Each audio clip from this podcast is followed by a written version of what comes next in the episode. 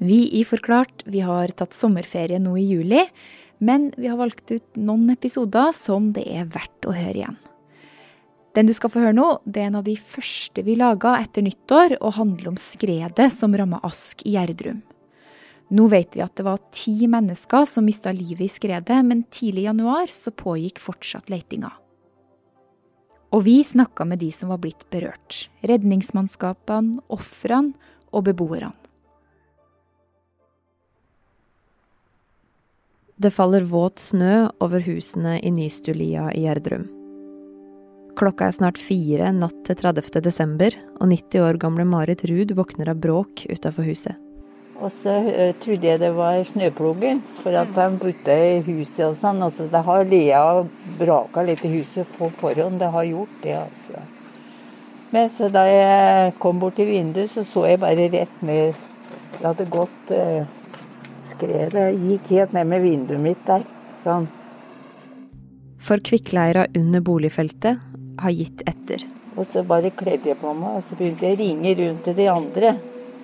Men eh, lyset hadde gått, så de hørte meg ikke. Men så begynte jeg å banke på hos ei som ble med oss. Da. Ble med meg. Så vi begynte å gå rundt og vekke, da. 80 km unna, på Rygge flyplass, så går alarmen. Her er redningsmann Lars Markeng Bakken og resten av teamet hans i Luftforsvarets 330-skvadron. Jeg gikk jo på vakt mandag den 28. Jeg hadde noen eh, oppdrag i forkant av det der, men stille kvelden før. Så eh, vi lå og sov når alarmen gikk eh, noen minutter over fire. Men jeg husker det, det var sånn omtrentlig. De har 15 minutter på å pakke utstyret de tror de trenger, og komme seg i lufta. Det er tunge skyer som gjør det vanskelig å se bakken, og helikopteret med mannskapet på seks bruker rundt en halvtime på å komme fram til skredet i Ask i Gjerdrum. Når vi kom inn, så var det jo helt mørkt ute. Og med det så vil jeg si at det er vanskeligere for oss å få en total oversikt.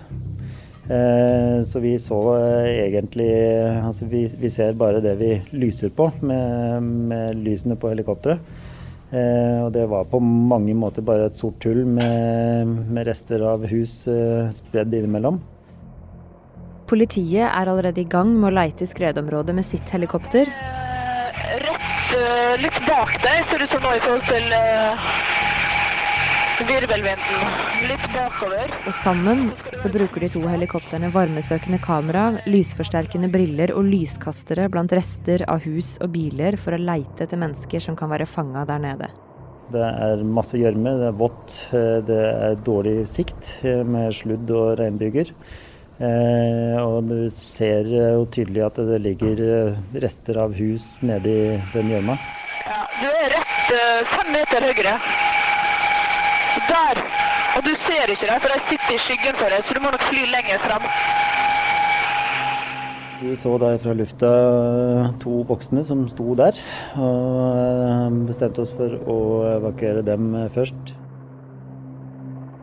Lars Markengbakken har på en solid klatresele og hjelm der han heises ned fra helikopteret. Det er en litt sånn vanskelig setting sånn fordi at vi kommer jo ned, det er mørkt. Jeg har et veldig sterkt lys på min hjelm for å kunne se hva jeg skal gjøre. Og det er klart, dem der oppe, hvis de ser opp, så ser de jo bare rett i noen veldig sterke lyskastere fra helikopteret. Det blåser veldig mye, det blir jo enda kaldere. Det blir nesten umulig å snakke sammen. Men han kommer seg ned, og bare noen få meter over bakken så ser han at det er ikke to voksne, men en liten familie på tre. Men det som vi ikke så fra lufta, det var det jeg oppdaga når jeg kom ned i heisen og var nesten nede på bakken. Så viste det da å dukke opp et lite barn som var skjult inni morgenkåpen til moren sin. Det ble tatt litt på senga der, men det er ikke noe stor utfordring.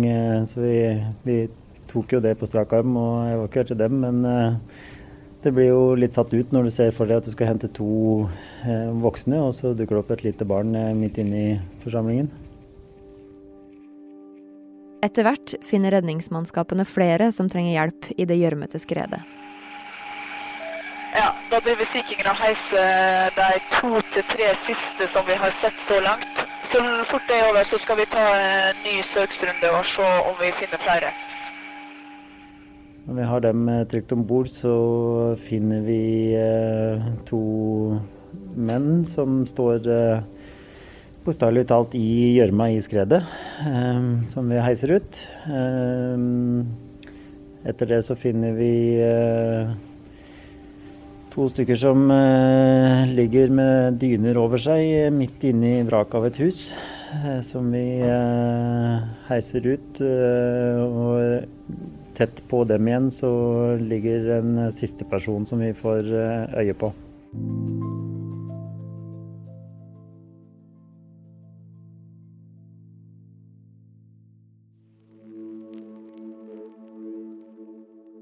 Klokka er blitt seks om morgenen i Gjerdrum, og flere i området våkner.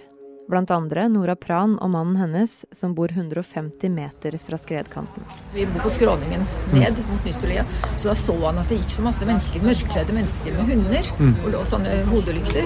Så han trodde at det var noen som jaktet på oss, noen tjuver eller litt sånt. Da.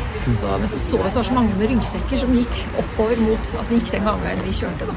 Så, så skjønte så gikk han og snakket med naboen, og så fortalte de om hva som var skjedd. Da. For han hadde visst hørt det på radio, forsto jeg. Så, så kom han inn bare i full fart og at dette må vi evakuere. De er ute av huset på ti minutter. Og jeg fikk med meg vesken min, Ja. og han tok lommeboken sin, Ja. og eh, litt hundemat. Så vi fikk oss hunding. En kort kjøretur unna har Lasse Johan Tue og kona stått opp med de to barna sine, og har planer om en rolig morgen før han skal på kveldsvakt som sykepleier på Rikshospitalet. Så vi var nå oppe, vil jeg tro, i sikkert litt før seks. Eh, og da var det egentlig allerede kommet en melding fra, fra faren min, eh, som var ordfører i Nannestad, om, om eh, at det var gått et ras i Ask. Eh, han tenkte nå mest på det med at vi, både jeg og Marte, har reisevei gjennom Ask. Eh, og jeg tror nok egentlig ingen tenkte noe særlig over omfanget. Men i løpet av morgenen blir det tydelig hvor svært det her er. Særlig når Lasse får beskjed av heimevernssjefen i området om å dra til Gjerdrum for å hjelpe til. Det er jo sperringer og hek hektisk eh, aktivitet. Det gir jo et ganske godt inntrykk av hvor stort det er. Eh, eh, Det er mange forskjellige helikoptre der. Det er jo disse Sea King-helikoptrene og luftambulanse, og det er også Forsvarets Bell. Eh, Og, og da begynner det jo man å se ganske godt skalaen på dette her. Um, og det Jeg har jo vært på en del militære øvelser og, og jobba i Forsvaret også, og det, det har aldri vært som jeg har vært med på en måte øvd for en sånn skala. Det, da begynte det å bli ganske enormt. Framme ved kommandoområdet som er satt opp i Kulturhuset, får han oppgaven med å koordinere med politiet om hva Heimevernet skal gjøre. Så jeg går nå inn, eh, og der er det inne i, i det kulturhuset, eh, så er det en sånn resepsjon, og så er det virker som det er en sånn eh, liten sal på venstre hånd, eh, hvor de har lagd en hestesko eh, med bord eh, og skjermer på veggen, og der er det veldig hektisk aktivitet. Der er jo alle innsatslederne for nødetatene, og i hvert fall for politiet, da. Og det er jo fra Røde Kors og Norsk Folkehjelp, Sivilforsvaret eh, Og en god del hektisk aktivitet, da. Kontrollert, men, men der skjer det mye.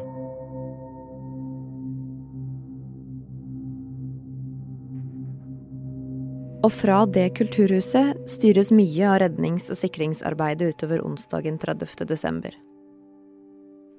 Lars og de andre i helikopteret henter til sammen opp 13 mennesker den morgenen. Alle de er i live. Og når dagslyset kommer, kan 90 år gamle Marit Ruud se huset sitt på TV. Det hvite huset idet det vipper over kanten og knuser i det svarte leirhullet.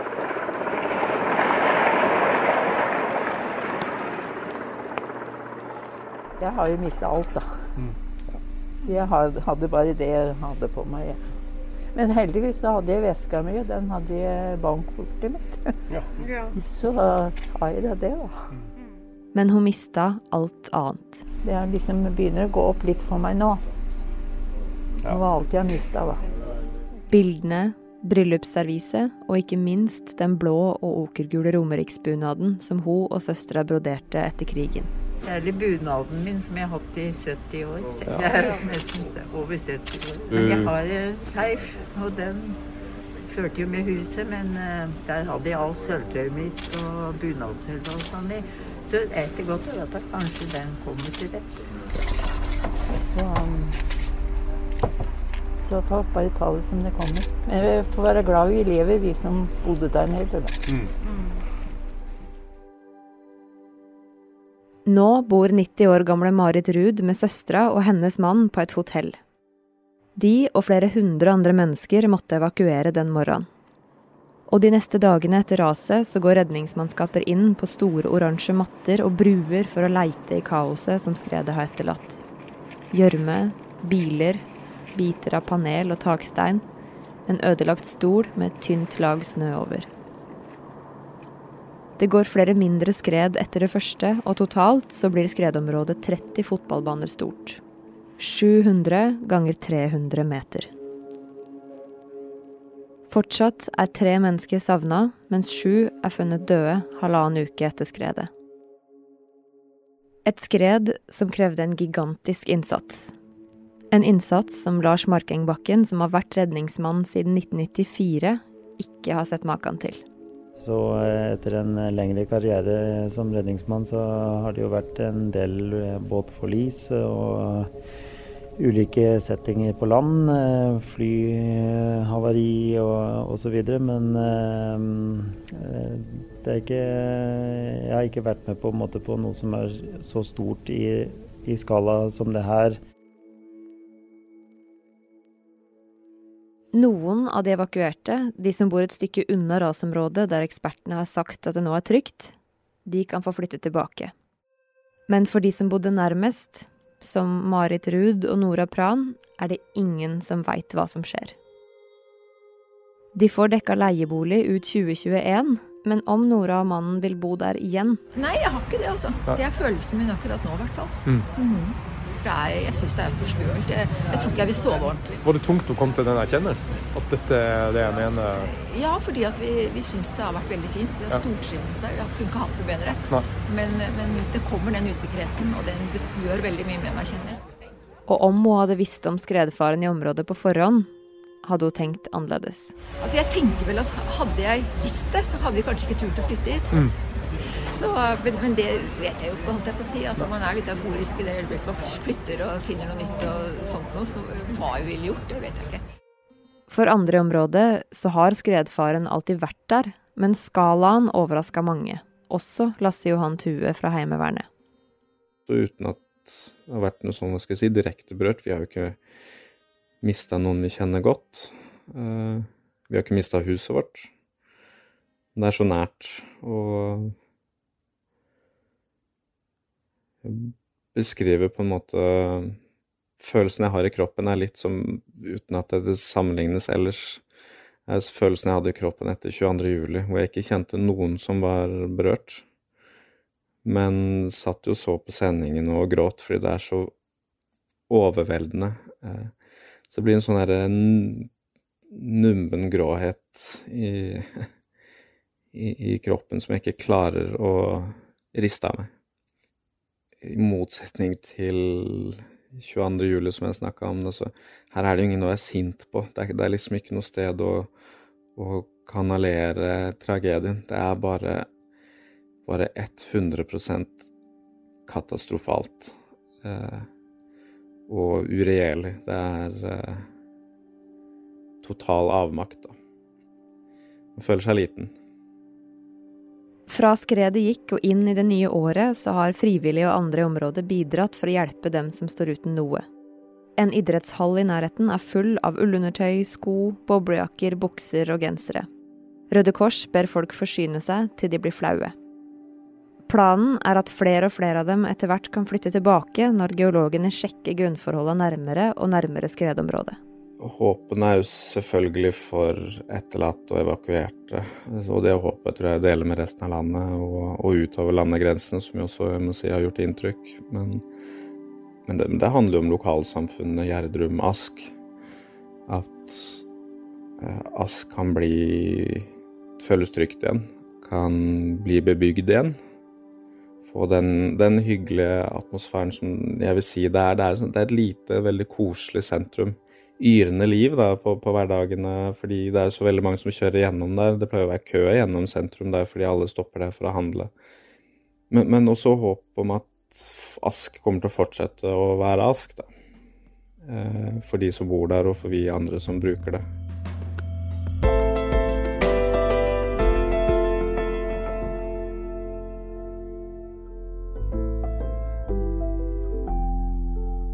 Denne episoden av Forklart er lagd av produsent Fride Næss Nonstad og meg, Anne Lindholm.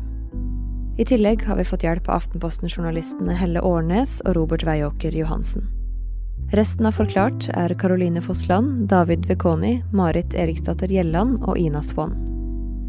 Du har hørt lyd fra NRK, NTB, VGTV og Øst politidistrikt.